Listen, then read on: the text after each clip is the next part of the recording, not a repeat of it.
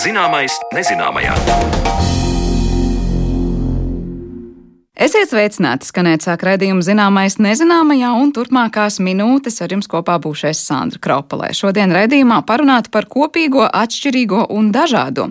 Laikmets, kurā dzīvojam, nāk ne ar vienu vien izaicinājumu, un viens no lielākajiem izaicinājumiem ir nemitīgi mainīgais klimats, aizvien jauni konflikti un brūkošas valstu ekonomikas dažādos reģionos. Tas veicina iedzīvotāju migrāciju visā pasaulē. Kādu saspīlējumu tas var radīt, vai pētnieki ir analizējuši scenārijus iespējamām migrācijas epizodēm un kas ir dažādības vadība. Par to tad šodien runāsim raidījumā.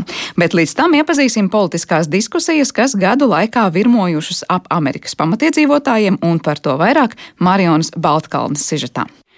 Ir labi zināms vēstures stāsts par to, kā ieceļotāji no Eiropas ieradās pašreizējās ASV un Kanādas teritorijā, un interesanti izsakot līdzi tam, kā dažādos posmos šiem ieceļotājiem mainījās attieksme pret Amerikas pamatiedzīvotājiem, vietējām indiāņu ciltīm. Vēsturnieki šo laika posmu ir labi izpētījuši, tāpēc arī mēs šoreiz raidījuma pirmajā daļā pārcelsimies uz Zemes otru malu pāri okeānam un paraudzīsimies uz sabiedrības dažādību Amerikā. Par šo tematu uz sarunu esmu aicinājusi vēstures zinātņu doktori Lilitu Zemīti, un stāstu sākam par to, kas tad vispirms notika pēc ieceļotāju ierašanās Amerikā 17. gadsimtā. Turpina Lilita Zemīte kolonizācijas sākuma posmā, tad, kad Ziemeļamerikā ierodās pirmie baltie ieceļotāji, tad problēma, jeb tā nespēja sadzīvot, ir saistām ar to, ka abām iedzīvotāju grupām ir diametrāli pretēji mērķi. Jo baltais kolonists, tad Eiropietis, ierodas Amerikā un it sevišķi Ziemeļamerikā, lai iegūtu zemi. Savukārt pamatiedzīvotāji šo zemi negrib dot. Un tas būtu viens. Otrs ir tas, ka tās ir pilnīgi atšķirīgas kultūras, es nebaidīšos teikt, atšķirīgas civilizācijas. Un tāpēc arī ir ļoti grūti vienam otru izprast. Un te ir jāsaka, ka Baltie kolonisti arī necenšas kaut kādā veidā pildīt kādu misijas apziņu, teiksim, tur izprast, iedziļināties, bet viņi gluži vienkārši pielieto praksi norobežoties. Tātad sadzīvošana nav iespējama, ja pievērst kristietībai viņa pamatiedzīvotājs arī nevēlas. Nu, tur ir tikai atsevišķas reliģiskas grupas, kas to gribētu darīt, bet to dara neveiksmīgi, bet tā lielākā masa to nevēlas darīt. Un tāpēc arī Tad, kad balto iedzīvotāji vēl ir maz, un tas ir 17. gadsimts, un zemes ir daudz, Viņi aizsāk tādu sadzīvošanas praksi kā līguma slēgšana. Tātad faktiski viņi var vienoties par tām teritorijām, kurās viņi dzīvos nošķirti. Un līdz ar to tā balto iedzīvotāju, jeb šī gadījumā Anglijas kolonistu, jeb faktiski tā būtu Anglijas valsts attieksme pret indiāņu ciltīm, ir attieksme kā pret uh, suverēnu valsti. Jo visi līgumi, kas ir noslēgti ar pamatiedzīvotājiem, ietver starptautisku līgumu pazīmes. Ja, tad teritorija, gūstekņu maiņa, naudas samaksa, ja, tad, tad cik viņi samaksās par šo zemi, ko viņiem pamatiedzīvotāji atdod. Taču ar laiku, protams, šī situācija mainās, jo nu, ne jau visas ciltis ievēro šos noteikumus, un te noteikti ir jāņem vērā ka virzoties pēc iespējas tālāk eh, Amerikas kontinentā un pieprasot ar vien lielāku zemi, nevienmēr pamatiedzīvotāji vēlas to dot. Vai arī viņi vēlas izmantot uh, savas tiesības, it kā zemi atgūt. Un tāpēc baltajiem iedzīvotājiem, ja jūs gribētu man raksturot, kāda ir tā attieksme, tas ir vienkārši bailes. Viņiem vienkārši ir bail no indiāņiem no pamatiedzīvotāju uzbrukumiem, kas var notikt jebkurā brīdī.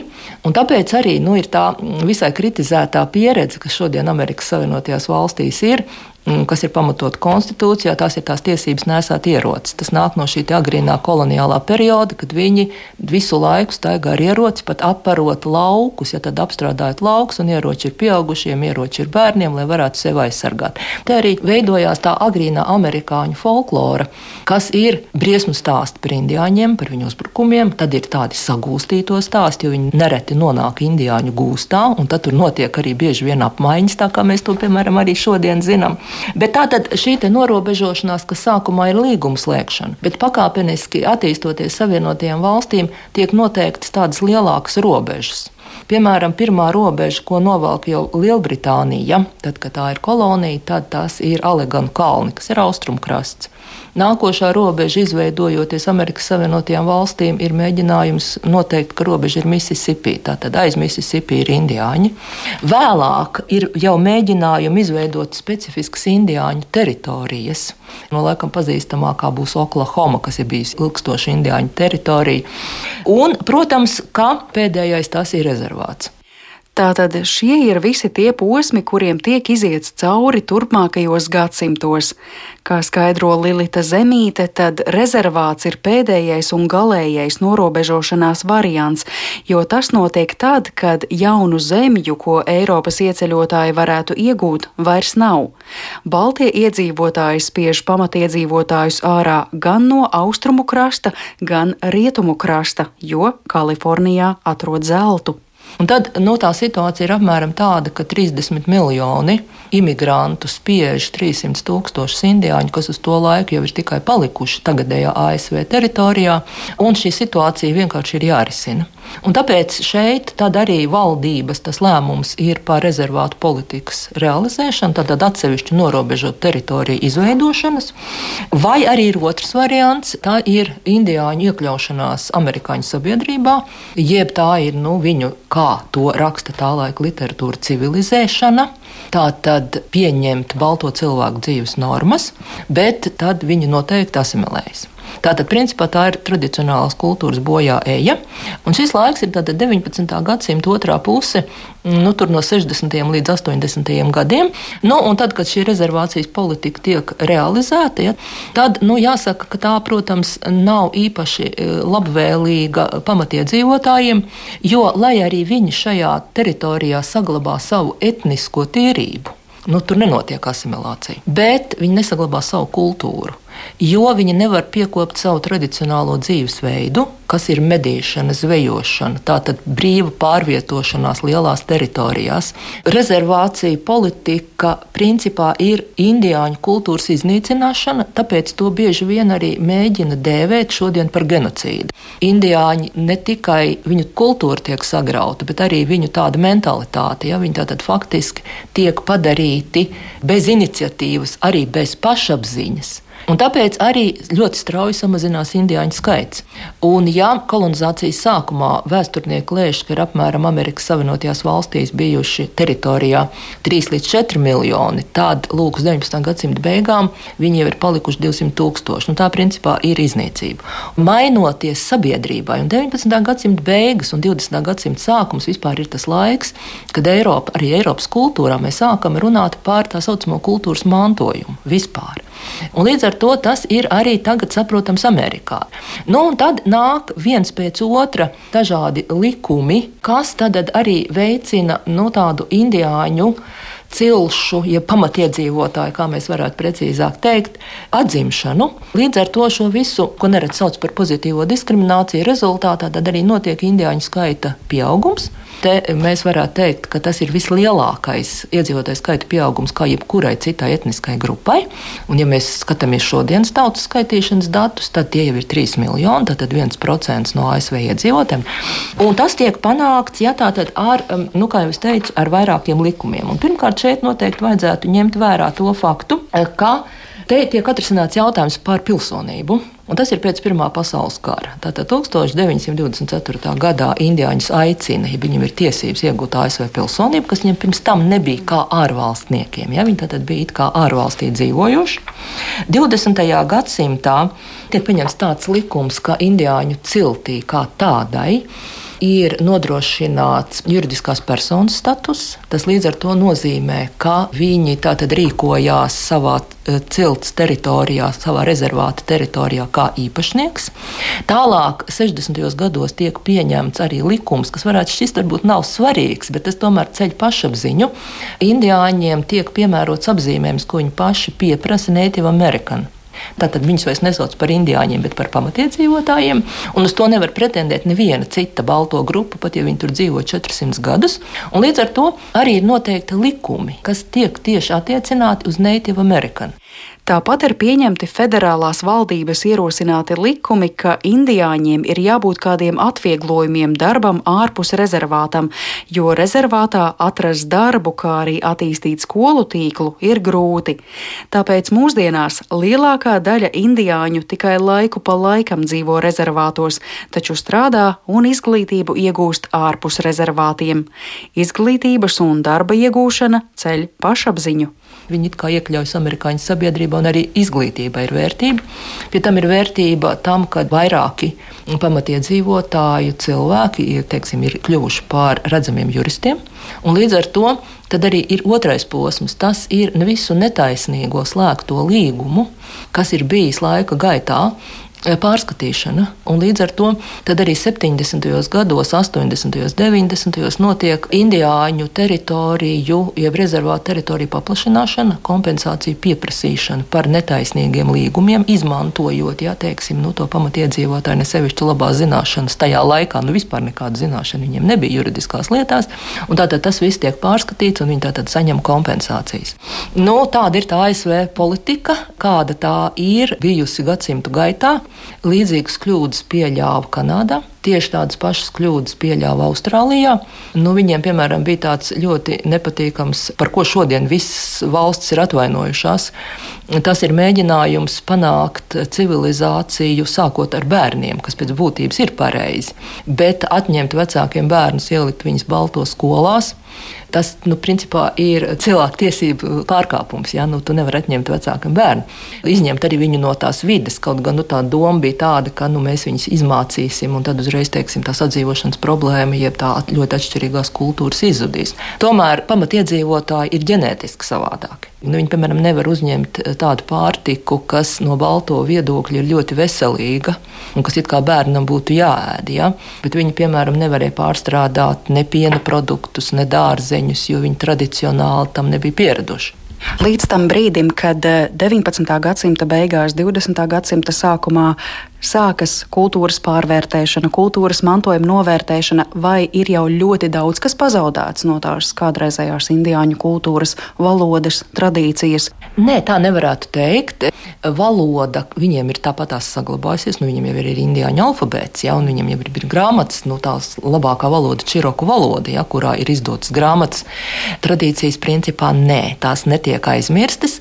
Tas ir drīzāk tā, kā jebkurai nācijai Eh, arī Eiropā ka cilvēki ikdienā eh, tradīcijas neievēro. Ja mēs ikdienā to nelietojam, mēs to lietojam atsevišķos gadījumos, un arī mūsdienās indiāņi ikdienā jau viņi vairs šos rituālus nepiekopja, jo tie arī daudz no šiem rituāliem varētu pateikt nebūtu mūsdienās pieņemami.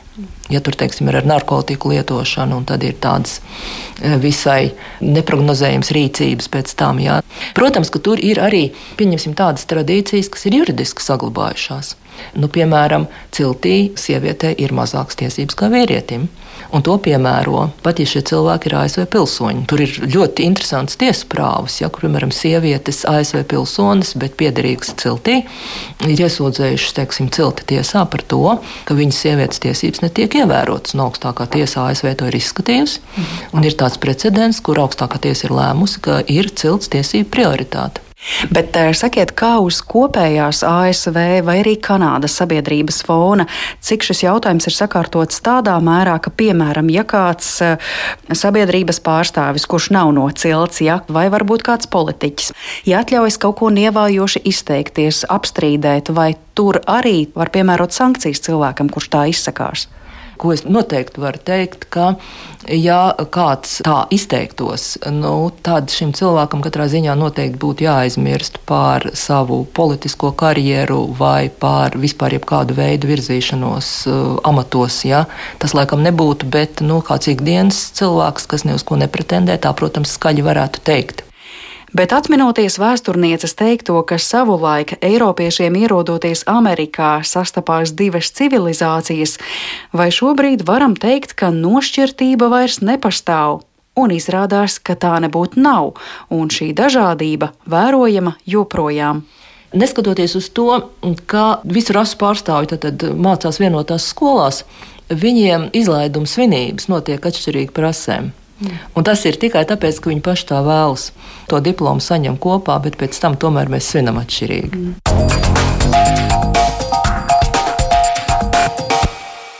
Paldies Marionai Baltkalnei par stāstu tik tālu par ASV pamatu iedzīvotājiem, bet turpmākās minūtes veltām migrācijai visā pasaulē un tam, kādas būs nākotnes sabiedrības uz šīs planētas.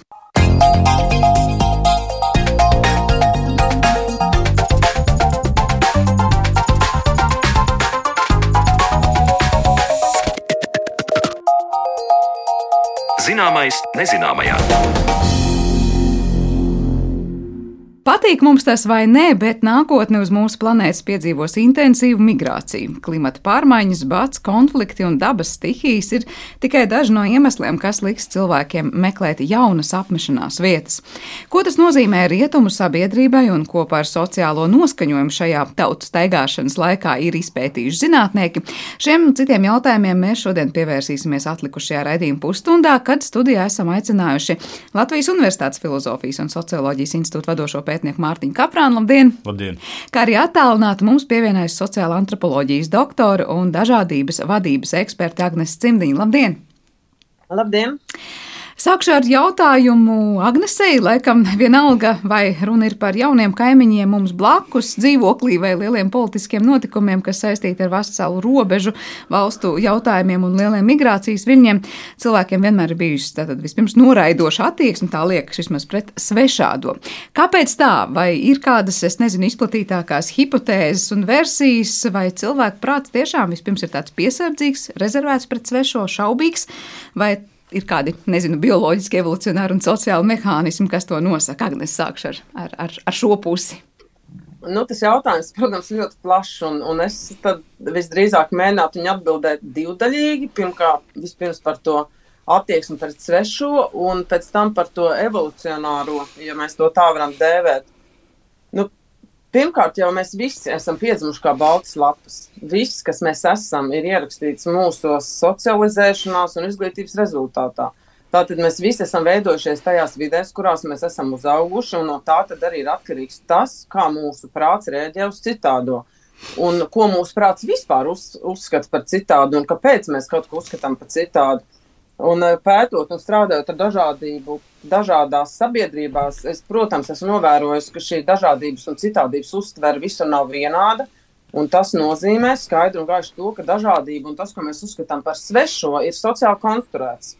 Proti, dažādās sabiedrībās tam svešajam vai citādajam uh, un tiem, ko mēs par tādiem uzskatām, tiek piešķirts ļoti atšķirīgs nozīmes un lomas. Ja? Uh, Tāpēc, pārfrāzējot to jūsu jautājumu, kāpēc noraidoša attieksme pret citādo, es teiktu, ka runājot par citādo un par dažādo, būtiska ir faktiski ne tik daudz izpratne par tiem, kas atšķiras no mums, bet daudz lielākā mērā izpratne par sevi pašu.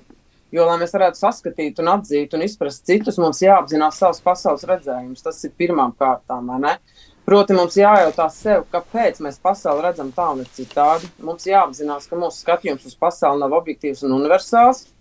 Uh, un šī apziņa arī palīdz attīstīt empātiju un saprast citu.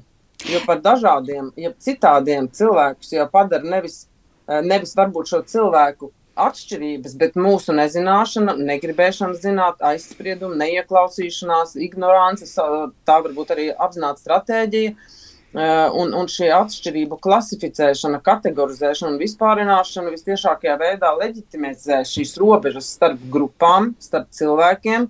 Tie veido tādu grūti salaužamu eh, sociālo kārtību, piedāvājot ļoti vienkāršas schēmas, kā izturēties par dažādiem cilvēkiem. Tad es drīkst tā pārfrāzēt, tad, tad sakot, ka lielākā problēma ir tajā, ja mēs domājam, ka mums ir jādomā par izpratni, kādi ir tie citi, tie atšķirīgie, bet patiesībā vairāk būtu jādomā par savu izpratni, par to, kas esmu, esmu es pats un kāds es esmu. Proti, es pareizi saklausu, ka varbūt, ka mēs Latvijā vairāk esam koncentrējuši uzmanību uz tiem citē, citiem un netik daudz iepazinuši sevi.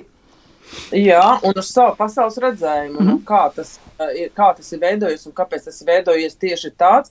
Tajā pašā laikā tas arī vieš cerību, jo, protams, šis pasaules redzējums, ko mēs arī var, varam tādos profesionālos terminos sasaistīt ar dažādības kompetenci, to var apgūt, attīstīt, un, un līdz ar to ir iespēja mainīt šo veidu, kā mēs attiecamies pret citiem. Bet otrs, šī otra jautājuma daļa par šo evolucionāro pusi, ja, kādā veidā tas ir veidojies, es teiktu, ka šī noraidoša attieksme pret citādo nu, nav ne bioloģiski, ne evolucionāri noteikta. Es pat teiktu, drīzāk pretēji, jo, jo, protams, no vienas puses pasaule vienmēr ir bijusi iedalīta sociālās, kultūrālās, teritoriālās grupās. Tajā pašā laikā cilvēks dzīvotspēja vienmēr bijusi atkarīga no kontakta un no sadarbības ar citām grupām. Proti, šī cilvēces dzīvotspēja vienmēr ir bijusi atkarīga no dažādības, no dažādiem dzimumiem, no dažādām prasmēm, dažādām spējām, dažādām zināšanām, dažādiem vecumiem un tās miedarbības. Ja? Tad ne tikai un savas arī... grupas ietvaros, bet arī uh, miedarbojoties ar citām grupām. Jā, tieši tā, jo arī teiksim, senākos laikos, ja mēs iztēlojamies, kā varbūt cilšu laikmetu, kad cilvēki dzīvo nošķirti ciltīs bez mūsdienu mobilitātes un komunikācijas iespējām, Protams, ka šīm ciltīm bija absolūta nepieciešamība mainīties ar informāciju, ar komunikāciju, ar sievietēm, ar precēm, ar pakalpojumiem. Uh, ja, uh, bez alianšu veidošanas vispār ciltīm nebija iespējas izdzīvot. Līdz ar to šis kontakts, um, šis kontakts ir tikai audzis, tūkstošiem gadu gaitā, un, un ja mēs runājam par evolūciju, tad pēc ledus laikmeta pasaules bioloģiskā un sociokulturālā dažādība ir burtiski eksplodējusi. Ja?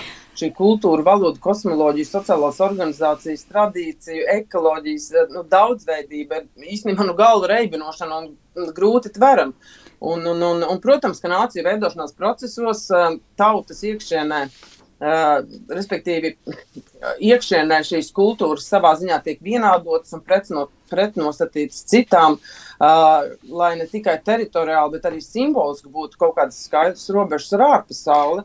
Jā. Bet, uh, bet, uh, jo arī, piemēram, mēs paskatāmies uz Eiropu, jā, tad agrāk šīs Eiropas valsts sastāvēja no daudzām mazām vietējām kopienām ar savu identitāti, paražām un dialektiem, bet variācijas tiek izlīdzinātas, daudzas mazas atšķirības tiek aizstātas ar ar, ar daudzām, ar, ar, respektīvi, daudzas mazas atšķirības tiek aizstātas ar dažām lielām atšķirībām, veidojoties nācijām. Un, un mēs esam ieguvuši pasauli, kura, kurā it kā kļūst mazāk alternatīva gan kultūras, gan bioloģiskai daudzveidībai. Bet tas ir arī bijis kompromiss tādai ilgspējīgai pastāvēšanai, jo mazs izolēts vietējais kopienas diezgan vai spēti ilgstoši saglabāt savu neatkarību. Un, savukārt šodien pētnieki jau brīdina, ka varbūt pēc 30 gadiem uh, puse no pasaules valodām izzudīs, jo pastāv šī hipotēze, ka globalizācijas dēļ kultūra daudzveidība strauji sarūk. Jo, jo vairāk mums būs kontakts, jo lielāka būs līdzība starp cilvēkiem, jo vairāk arī šis vidē nedraudzīgais kapitāls mums izplatīsies, jo vairākas dzīvotnes izzudīs. Tur ir daudz sarežģītu procesu. Jā, no nu, Agnēs te jau aizskāra ļoti plašu to lauku, pie kura tiešām mēs varētu kavēties. Nu, te pie katra, man liekas, trešā teikuma ir kā jauna ideja, kur varētu vēl, vēl papildināt un komentēt, bet, bet man ir skaidrs tas Agnēs redzējums. Es gribēju prasīt Mārtiņam studijā, vai ir tā sajūta, ka nu, te ir pretējais viedoklis vai, vai patiešām mēs varam teikt, ka nu, tā, tās divas atslēgas lietas, ja mēs atgādinām par to izpratni, pārāk daudz vēršam uz, uz citiem, nevis uz sevi, lai, lai saprastu, cik mēs esam noraidoši vai atvērti svešajiem. Un otrs, ka nu, nav pamatota bioloģiski evolucionāra pamata teikt, ka jā, jā, sākotnēji mums visiem ir normāli būt ļoti piesardzīgiem, noraidošiem un varbūt tādiem, tādiem nogaidošiem. Mārtiņ, kāds ir tas redzējums? Mm, es nezinu, vai tas ir normāli. Katrā ziņā tas, ko Agnēs minēja par robežām, kuras pastāv dzimuma, rases, eh, valodu rezultātā un daudz citu. Uh, diferencējošu faktoru rezultātā nu, tās patiešām nu, tas ir saka, tūkstošgadīgas. Un šīm robežām nav kaut kāda noilguma, vai nu, ir tādas, kas radās, protams, kaut kāda tehnoloģisko attīstību, attīstības rezultātā. Nezinu, mēs par jaunām robežām, piemēram, jau sākam runāt, mēs piemēram, lietojam to, to digitālo plaisu, tie, kuri prot vai neprot kaut ko lietot, un par virtuālajām kopienām, kas veido jaunas identitātes.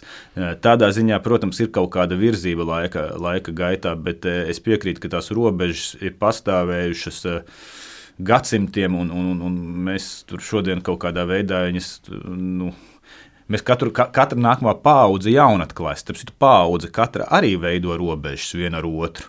Bet ir sajūta, ka katra paudze kļūst iekļaujošāka vai skatās uz to pasauli daudz globālāk un nē. plašāk vai pretēji. Nē, nē, nē. Man nav, nav, es neesmu. Uh, tāds uh, progresa apoloģēts, kurš uh, uzskata, ka katra nākamā paudze kaut ko kaut kur virzās uz gaišo nākotni. Liekas, ka katra paudze dzīvo tajos savos realitātes apstākļos.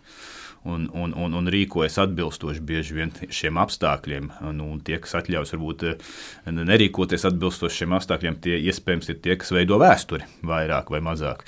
Bet es gribētu arī uzsvērt, ka, protams, vienmēr visos laikos ir nevis tikai pastāvējušas šīs robežas, bet šķiet tas, ko arī Agnēs mēģināja piebilst, runājot par ciltīm, robežu šķērsotāji un robežu šķērsošana kā tāda. Un es nezinu, vai eh, nu, es nezinu, neesmu tāds cilšu eksperts, eh, lai runātu par to, kāda ir mobilitātes pakāpe bijusi šajās ciltīs. Bet eh, nu, geogrāfiski tomēr mēs zinām, ka cilvēki ir pārvietojušies gadsimtiem un, un, un dažādos veidos un dažādu motīvu vadīti. Un, un šī mobilitāte viena pati par sevi jau ir norāda uz to, ka šīs robežas neizbēgami tiek starp kultūrām, starp valodām, starp rasēm. Uh, šķērsotas. Tā, tā, bet, jā. bet ir pamats domāt, ka šajā laikā, kad mēs runājam, gan tas, cik ļoti mobīli mēs esam salīdzinot, protams, ar citiem iepriekšējiem laikiem, pārvietošanās veidā, informācijas izplatīšanās veidā, arī tas, kas notiek pasaulē, ka nu, tāda mobilitāte vai migrācija, kādu mēs šodien redzam, nu, Eiropā vai runājam par Latviju, ir kaut kas līdz šim neredzēts. Un proti tas, kā tur 19. vai 16. vai 13. gadsimtā pārvietojās cilvēki šajā teritorijā ir kardināli atšķirīgs no tā, ko pieredzam mēs šobrīd. Protams, globalizācija ir eh, sašaurinājusi laika telpu tā, ka mums liekas, ka mēs vienlaikus esam Rīgā un Tokijā vienas dienas laikā, varam piedalīties pasākumos, kas ir gan šeit, gan tur. Bet es eh, domāju, ka vienlaikus globalizācija ļoti skaidri ir arī iezīmējusi tās sabiedrības grupas, kuras var atļauties globalizēties vairāk, un tās sabiedrības grupas, kurām ir jāpaliek uz vietas un kuras nevar kustēties. Vai negrib, vai nevar? Negrib, es teiktu, tas varbūt ir mazāka bēda, bet tieši nevar sociālo-ekonomiski apsvērumu dēļ tie, kas var atļauties braukt, studēt ārpus, ārpusē, tikties, tīkloties. Un ir tādi, kas to nekad nevarēs vai nevar, tāpēc ka viņiem ir nu, materiālai resursi, to neļauj. Kā, nevajadzētu, protams, eiropocentriski skatīties uz šo globalizāciju. Mēs esam maza pilīte cilvēces kopējā. kopējā klāstā, un, un, un, un, un, un ja mēs runājam tieši par Āfriku, ja, kur mēs bieži runājam par tā saucamo nu, nezinu, digitālo plaisu, tā skaitā, un, un, un, un ar citām tautām. Kā, tie, kas var atļauties, un tie, kas nevar atļauties, ļauties un baudīt globalizācijas augļus, ir ļoti atšķirīgas sabiedrības daļas un arī atšķirīgas sabiedrības. Bet es, es par to bioloģisko, ko jūs pašā sākumā, tas, protams, ir ļoti interesants jautājums, jo tas ir tāds, tas, tas paradigmu līmeņa jautājums. Agnese vairāk par konstrukcionismu runāja un tam līdzīgi. Bet es tomēr gribētu teikt, ka individuālā līmenī man tā liekas, ka mēs tomēr neesam balts lapas. Es zinu, ka šī diskusija ir gadsimtiem gara un filozofu daudzu uh, diskusiju, un kontinentālā Eiropas filozofija droši vien ar kaut kādu britu empiricismu varētu šeit sadurties, bet es nepiekrītu tādai pilnīgi nekritiskai eh, baltās lapas teorijai.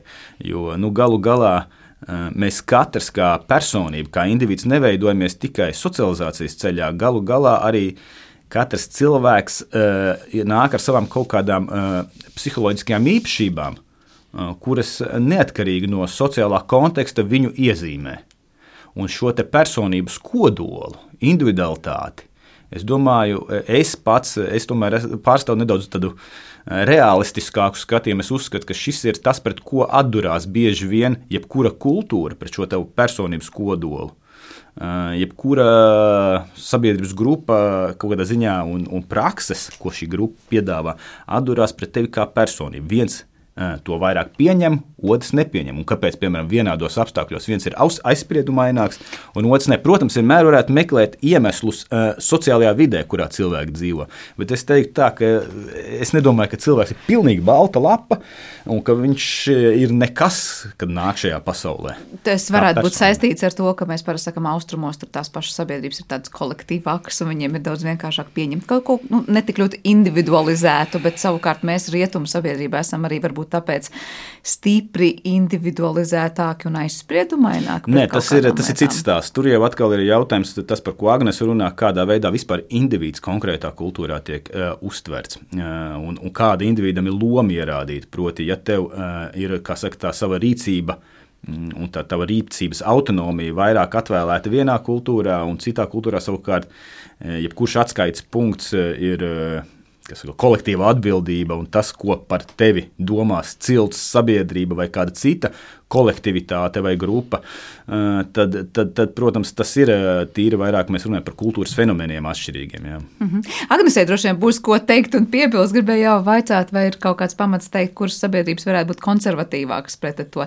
svešo, jauno un to robežu šķēršojošo, ja mēs skatāmies uz šo kaut vai austrumu rietumu virzienu. Nu, es te varētu, es negribu kategorizēt valsts, un īstenībā es arī negribu operēt ar tādu, teiksim, ar valstu ielikšanu vai sabiedrību ielikšanu tādās kategorijās kā kolektīvistiskāks vai individualistiskāks. Tas, ar ko man pašai ir visvairāk bijusi pieredze strādājot, ir bijušas tās pašas ziemeļvalstis, kas mums ir ļoti tuvu un, un kas, teiksim, visdažādākajos attīstības rādītājos, un tā skaitā laimes rādītājos, iekļaujošas sabiedrības rādītājos līdztiesīgs sabiedrības rādītājs ir vienmēr mm, augšgalā visā pasaulē. Un tur šī atvērtība un iekļaušana, atvērtība pret atšķirīgo un iekļaušana ir ļoti izteikta. Un tas, un tas eh, nekādā mērā nav mazinājis kaut kādu savstarpējo saliedētību vai uzticēšanos eh, mm, valstī vai, vai sadarbības potenciālu. Gluži pretēji, tas ir eh, veicinājis šo valstu konkurētspēju ļoti lielā mērogā. Un, Un, eh, nu, es teiktu, nu, ka arī dabā ja, nekas jau nav vienveidīgs. Vai tāda, nu, es teiksim, citreiz runājot par šo dažādību, uh, arī piesaucu ja, nu, lauksaimniecību un monokultūru. Un, ja kurš lauksaimnieks zina, lai mēs uh, radītu monokultūru, mums faktiski ir jāiznīcina dabiskā dažādība, jo, jo mēs jau visi esam bijusi, pasauli bijuši dažādi, un mēs paši esam dažādi miljoniem gadu. Ja? Tāda monokultūra ir mākslīgi radīta un viņai nav tāds nu, dabisks eh, ilgtermiņa potenciāls. Un, un arī kultūras. Protams, ir daži kultūra elementi, kurus mēs varētu teiksim, skatīt kā stabilus, bet kopumā kultūras nemitīgi mainās un sabiedrības raksturo kultūra dažādība, un to ignorēt ir vairāk nekā muļķīgi. Ne? Un, protams, ka šī dažādība nozīmē gan iespējas, gan izaicinājumus. Uh, turklāt, manuprāt, būtiski ir minēt to, ka šī, šī daudzveidība, ja šis dažādības raksturs pēdējās desmitgadēs ļoti strauji mainījies, ar ko mūsdienu sabiedrības un organizācijas uh, faktiski īsti netiek galā. Un, un, un, un liela problēma ir tas, kā mēs uztveram to, kas ir citāds un kā mēs skatāmies uz to citādo. Un, uh, pieņemsim tajā pašā migrācijas pētniecībā, tagad nesen ir ienākuši nu, jauni jēdzieni, ko latviešu valodā pat man kaut kā grūti pārtulkot. Varbūt Mārtiņš var palīdzēt, bet eh, teiksim, no angļu valodā to sauc par superdiversity uh, un uh, intersectionality. Tātad kā tāda superdažādība un, un su, intersekcionalitāte, kā tāda nu, dimensiju krustpunkti, vai kā to latviešu pareizāk būtu pateikt, tas nozīmē to, ka nu, ja līdz šim mēs esam teikuši, vai teiksim, runājot ar kādu svešu cilvēku vai iebraucēju, vienmēr pastāv šis šie jautājumi, no kurienes tu esi, ja, vai kur tev vecāki dzimuši, vai kāda ir tā tava reliģija. Mūsdienās tas mums vairs neko daudz par šiem cilvēkiem vispār nepasaka. Ja? Teiksim, ja Indijā kādam uh, tiktu teikts, ka šis cilvēks ir no Latvijas, ko tad tieši tas indietim nozīmētu? Visticamāk, absolūti neko konkrētu. Uh, Jo, jo nu, pieņemsim, kaut arī mēs ņemam, nu, pastāmies uz tādām rietumēropas metropolēm kā Londona vai Parīze vai Berlīna, ja, kas ir viens no kultūrāli kompleksākajām pilsētām, kur dzīvo cilvēki no visas pasaules, ja, vai tās pašās ziemeļvalstīs, kā Oslo vai Stokholmā, jau lielpilsētās, kur sociokulturāla dažādība ir ļoti izteikta. Agrāk, teiksim, bija tas trends tāds, ka cilvēki no Indijas dzīvo vienā priekšpilsētā, no Ķīnas citā, no Bangladešas vēl citā. Un kaut kādā mērā šie trendi turpinās, bet tas, kas teiksim, ir nācis klāt tagad pēdējos gados, ir arvien jaunas iebraucēju grupas no pilnīgi citiem pasaules reģioniem, Polijas, arī no Baltijas, teiksim, no Irānas, Somālijas un tā tālāk. Un, un viņi visi dzīvo visur, viņi strādā visur, viņus sen vairs nevar vienkārši klasificēt. Ja? Viena ir ilga turisti, citi ir studenti, citi meklē darbu, citi ir inženieri, citi iepriecējušie, citi taksometru šoferi. Līdz ar to mēs nevaram šos cilvēkus sen vairs raksturot ar kaut kādu vienu dimensiju, vienu raksturu iezīmi. Vai tas nozīmē, ka mums savukārt tajā savā konservatīvismā mēs ejam varbūt par lēnu uz priekšu tam, cik ļoti ātri mainās pati pasaule ar tikko piesauktiem piemēriem? Proti, mums viņi ir visur šie cilvēki no ļoti dažādām pusēm, kurus mēs nevaram pat īsti klasificēt, varbūt, un salikt pa grupām. Viens ir tagad tikai tur students vai, vai, vai darbinieks kādā noteiktā nozarē. Proti, es pareizi saprotu, ka tā problēma ir tajā, ka tā migrēšana šobrīd notiek daudz ātrāk un dinamiskāk un daudzveidīgāk nekā mūsu, es nezinu, prāts vai kas cits spēj tom, tam tā kā pielāgoties? Vai tā gluži nav? Nu, nu, savā, tā varētu teikt, ka tā dažādība ir kļūst ar vien komplicētāka, un mēs nevaram skatīties uz cilvēku kā indieti vai kā uz latvieti vai kā uz angli, ja tas cilvēks vienlaiks ir sieviete vai vīrietis vai vecs un jauns vai students ar tādu izglītību vai tādu. Agrāk mēs varbūt domājam vairāk šajās ļoti šaurajās kategorijās. Otra problēma ir tā, ka tiešām tiek jaukts kopā viss vienā katlā rase, etnicitāte, etniskums un kultūra. Tās, piemēram, ir trīs dažādas lietas. Kultūra nav tas pats, kas etniskums. Ja? Etniskumu mēs varam raksturot kā piedarību grupai, kas balstās priekšstatos par kopēju izcelsmi. Un šāda priekšstata par kopēju izcelsmi var būt gan, teiksim, latvietim, gan, gan ukrainim, gan zviedram, kas dzīvo Latvijā. Ja? Savukārt, kultūra tas ir tavs pasaules redzējums. Ja kultūra mēs varam teikt, ka tas ir tas, kas komunikāciju vispār padara iespējamu. Nu, tev var būt jebkāda reliģija, jebkāds izskats, tu vari būt gaišs vai tumšs vai, eh, vai, vai, vai liels vai mazs. Ja? Tev var būt, eh, bet tev var būt tieši tāda pati kultūra, kā, kā, kā teiksim, tiem, kas izskatās pilnīgi atšķirīgi no tevis. Un ir, ir ļoti daudz tādas būtiskas kategorijas, kuras netiek, par kurām netiek reflektēts un runāts, kuras tiek jauktas vienā katlā. Un ārkārtīgi izteikta šī kategorizēšana, cilvēku klasificēšana, kas ceļ nevajadzīgas eh, robežas, Uh, un neļaujot saskatīt cilvēku pēc būtības. Ja, jo ne jau tikai dzimums, vai ne jau tikai rase, vai ne jau tikai vecums ir mūsu esības, definē mūsu esību. Mēs esam daudz kompleksāki, un kompleks, šī kompleksitāte kaut kā izzūd. Tāpēc mēs visu laiku operējam mēs un viņi, mēs un viņi, vai latviešu un iebraucēji, vai, vai teiksim, citādi. Bet, bet tas mums neļauj atvērtāk, konstruktīvāk nodarboties ar to, ko varētu saukt par iekļaušanu, uh, vai, vai par tādas iekļaujošas sabiedrības veidošanu, un, un uh, iekļaujoša sabiedrība nevienam nekad nenāk pa sliktu, tur ir tikai pozitīvi iegūmi. Jā, pirms runāt par tiem tiltiem, kas rod to varbūt kopīgo vairāk valodu, vai Mārtiņam bija kas vēl piebilstams pie tikko dzirdētā nu, nē, Agnes pieminēja to Stīvenu Vertuvecu, tas sociologa superdaudzveidības jēdzienu, tas, protams, ir Eh, svarīgs, bet eh, nu, mūsdienu realitātes saprāšanā viņš gan to vairāk attiecināja tieši uz brītu sabiedrību.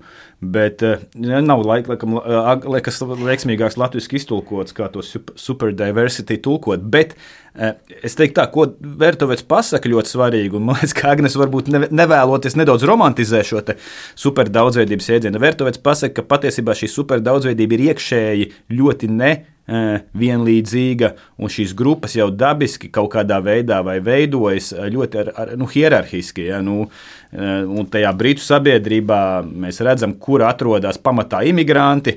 Viņi jau Londonā un Dienvidanglijā nedzīvos, jo tāpēc, tā pamatā ir angļu vieta, vēsturiski bijusi un šķiriskā sadalītība šai sabiedrībai. Eh, pastāv neatkarīgi no tā, vai mēs atzīstam, eh, ka tā sabiedrība kļūsi daudzveidīgāka vai nē. Vienmēr sakot, ko es vēlos pateikt, un tas, ko arī man liekas, tas Vertovets jēdziens, tas super daudzveidības pasaka ļoti skaidri.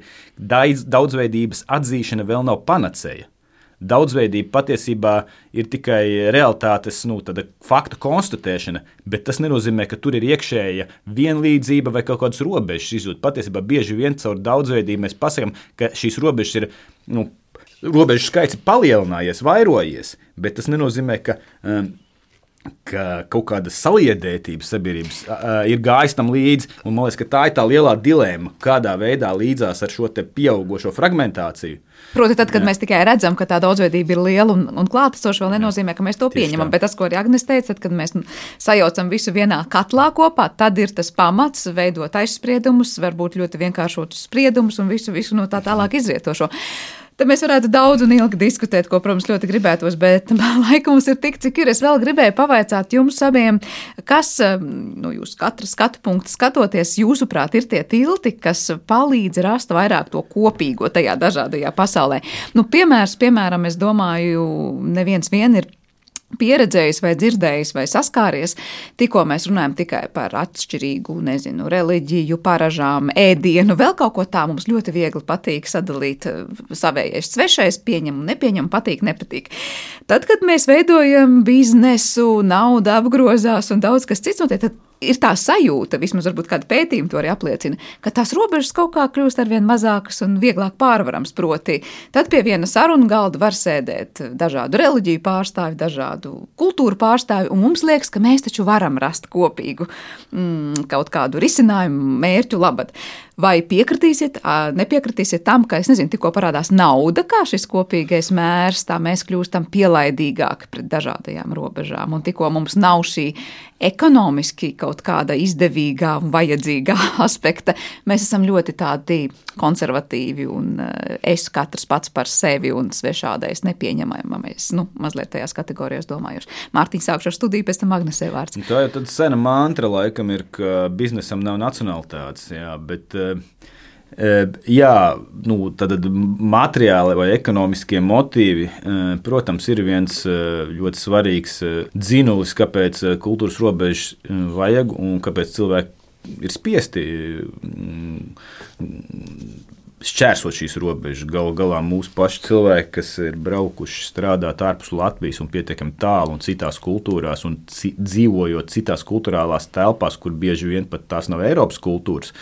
Tad skaidrs, ka materiālā interesētība piespiež tevi adaptēties. Bet es domāju, ka es arī nenovērtētu par zemu tā saucamo banālo integrāciju, vai kā viņu citādāk nosaukt, ikdienas integrāciju, tas, ko jūs minējāt. Par, tev, par to kulināriju. Kulinārija novelk robežu, bet kulinārija bieži vien, ja tā nav kaut kas tāds, kas eh, cilvēkus atgrūž. Bieži vien tieši ir tā, kas eh, šīs robežas nojauc. Un pēkšņi eh, tu saproti, ka nu, tas indietis man vairs nav tik svešs tieši caur kulināriju. Tu nevari saprast hinduisma pamatprincipus un kaut kādas idejas, un varbūt viņu kastu sistēmu un tam līdzīgi, bet tu pieņem indiešu tieši caur kulināriju.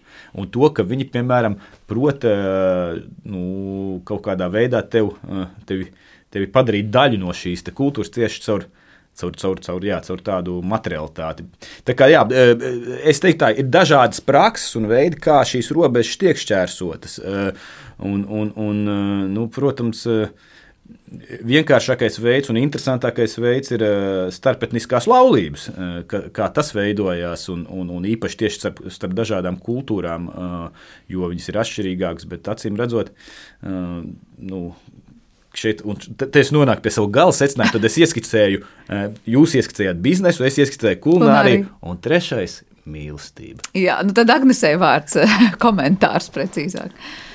Uh, jā, nu šo Es domāju, ka arī tieši šajos pēdējos gados pie tās milzu mobilitātes, pie katastrofāla darba spēka trūkuma, pie sabiedrības novecošanās, ja mēs saprotam, ka mēs nevaram iztikt tikai ar to, eh, kas mēs esam, un ne jau tikai šeit Latvijā, bet daudz viet citur, ja? nu, nu, nu, un, un, un šīs pasaules robežas ir vaļā, un, un, eh, un šī nu, dažādā pasaule arī šķiet interesanta. Un, Un uh, ir neskaitām pētījumi, kas parāda tieši šīs konkurences priekšrocības. Uh, kas ir balstīts dažādībā, un ka nākotnes tie veiksminieki, ja biznesā būs tie, kas spēs radīt inovācijas, kas ir balstītas vienlīdzībā un dažādībā. Tātad eh, tieši šī dažādība ir uztvērt, eh, uzskatīta par nākotnes konkurences priekšrocību, jo tas ir skaidrs, ka ar vienu pieeju, vienu izpratni, vienu redzējumu, vienu pieredzi ir pilnīgi neiespējami veiksmīgi navigēt un izdzīvot, teiksim, mūsdienu biznesa pasaulē, ne sociāli, ne ekonomiski, ne, ne ekoloģiski un, un tā tālāk. Ja? Uh, tad eh, tā, tā, tā tiešām ir konkurences priekšrocība arī.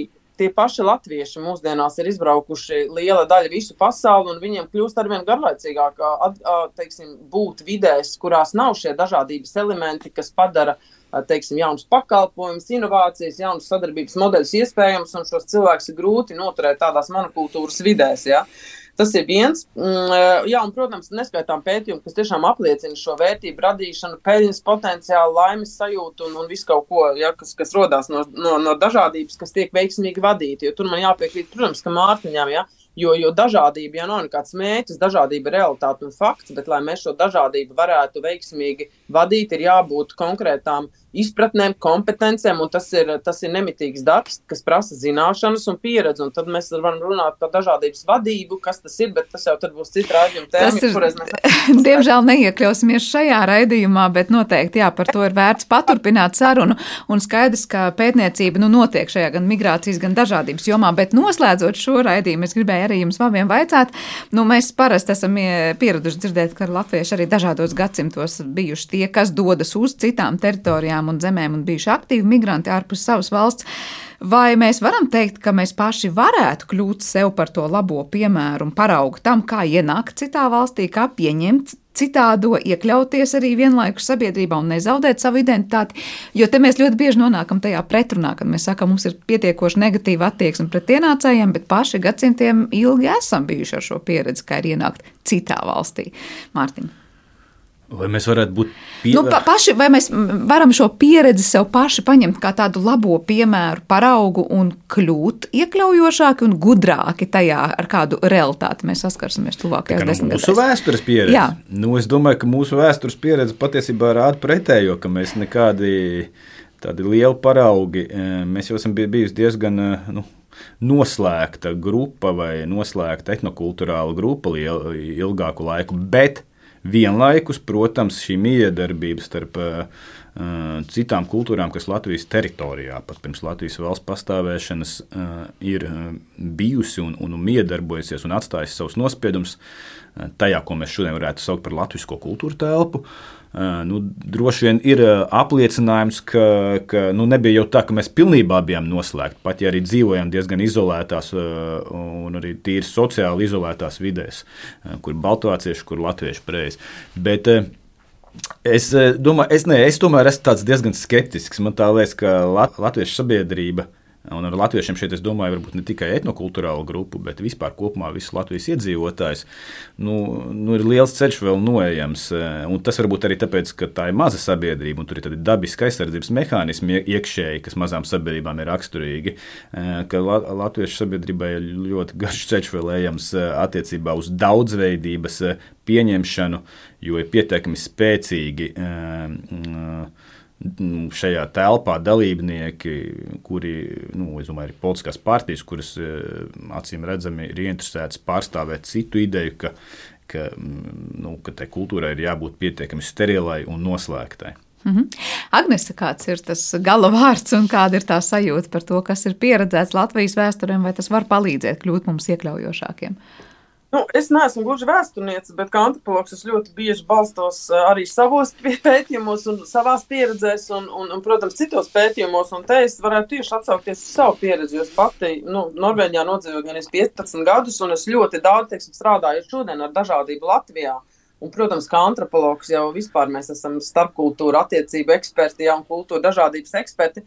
Es ļoti bieži faktiski atsaucu atmiņā savas pieredzes integrējoties, vai nu, Norvēģijā aizbraucot tur, kā faktiski nezinot ne valodu, neko par to sabiedrību, bez nekādām īpašām teiksim, kompetencēm tajā vecumā un skatoties, kā mani šī sabiedrība uztvēra un pieņēma un iekļāva un integrēja kā resursu, nestoties uz to, ka es biju kaut kāds pilnīgi nezināmais. Ja, Un, un, un kā es tur varēju veidot savu dzīvi bez kaut kādiem īpašiem kontaktiem vai bez nekādām privilēģijām, esot minoritātes pozīcijā, kā šī dzīve veidojās. Ja? Tas, protams, ļoti daudz mācības man ir devis, kā tagad pašai skatīties uz, uz, uz teiksim, kaut kādas citādības izpratni un iekļaušanu un uz to citādību kā resursu. Tas viens. Otrs, ja šī daudzveidības pieņemšana, uh, es teiktu, ir ļoti ciešā mērā saistīta ar izglītību, ko mēs vispār skolā un jau bērngārdos apgūstam, ko mēs mājās dzirdam ar publisko diskursu mēdījos. Un arī šeit pilnīgi konkrēts piemērs, teiksim, mans bērns, jā, teiksim, skatījos Norvēģijā bērngārzā, jau sākot no pašas pirmās grupiņas, tajā grupiņā ir gan bērni ar eh, gan ratiņkrēslā, gan ar, ar tumšādas krāsu, ar gaišādas krāsu. Vienam puisītim bija Down sindroms, eh, viens nevarēja vispār paiet, un tie visi bērni, viņi viens otru mīl, viņi ir viņi inter, ieinteresēti, viņi vispār neredz šīs vizuālās atšķirības, no, mēs, no kā mēs vēlāk dzīvē tā kā vairāmies un baidāmies. Un ja tev no bērnības jau tiek, uh, nu, tu esi te, kurā šī atšķirība ir pieņemta, ja, un, un, un kurā tu vari būt par to, ka cilvēki mēs visi esam dažādi, tad, protams, šī izpratne par citādo un par pieņemšanu iekļaušanu rodas pilnīgi citādi nekā tad, ja tu pirmo reizi mūžā 20 gados sastopies cilvēku, kas tās atšķirīgs no tevis, un tu vienkārši nezini, kā rīkoties. Un, un trešais, kas noteikti varētu palīdzēt, ir šī dažādības kompetences apgūšana, kurai kur ir daudz, daudz komponentes, un, un kas ir atkal mana tā ekspertīzes joma, ko šoreiz nu, mēs te nevaram to izklāstīt, bet tas viss ir apgūstams un risināms, un, un, un manuprāt, tas dod vairāk ieguvumus pilnīgi noteikti nekā nekā teiksim, rada problēmas. Un, un viennozīmīgi tas, tas palīdzētu gan, gan uzņēmumu, gan sabiedrības vadībā un, un iekļaujošas, teiksim, tādas vērtību radošas sabiedrības veidošanā. Skaidrs. Nu, tad eh, ne tikai personīgā pieredze, bet arī pētnieku piedāvātās stratēģijas un, un pētījuma rezultāti varētu palīdzēt mums gan eh, kļūt iekļaujošākiem, gan arī tiešām vairāk izprast to dažādību, bet kā arī Mārtiņš jau atgādināja, tad, ja mēs zinām, ka šī dažādība pastāv, vēl nenozīmē, ka visi nākamie soļi ir spērti, mēs to esam pieņēmuši. Paldies jums teikšu abiem par šo sarunu, kur, protams, garu un plašu varētu turpināt vēl, bet jautājumu daudz, kur es domāju, katram arī padomāt pie sevis un pārdomāt dzirdēto. Atgādināšu, ka Latvijas Universitātes filozofijas un socioloģijas institūta vadošais pētnieks Mārtiņš Kāprāns bija pie mums šodien studijā un attālināti bijām kopā arī ar soci sociāla antropoloģijas doktori un dažādības vadības eksperti Agnes Cimdiņu. Ar to arī šis raidījums ir izskanējis. To producēja Paula Gulbinska, par mūziku gādāja Girds Bišs, skaņu režijā bija Reinis Budze un studijā es Sandra Kropa. Un šajā reizē gan es teikšu jums visiem uz redzēšanos uz kādu ilgāku laiku, lai arī no Latvijas radio tālu nepazūdu. Turpmāko gadu atstāšu šo raidījumu kolēģu gadīgajās rokās. Vēlot visu to labāko no jums atvedos uz redzēšanos!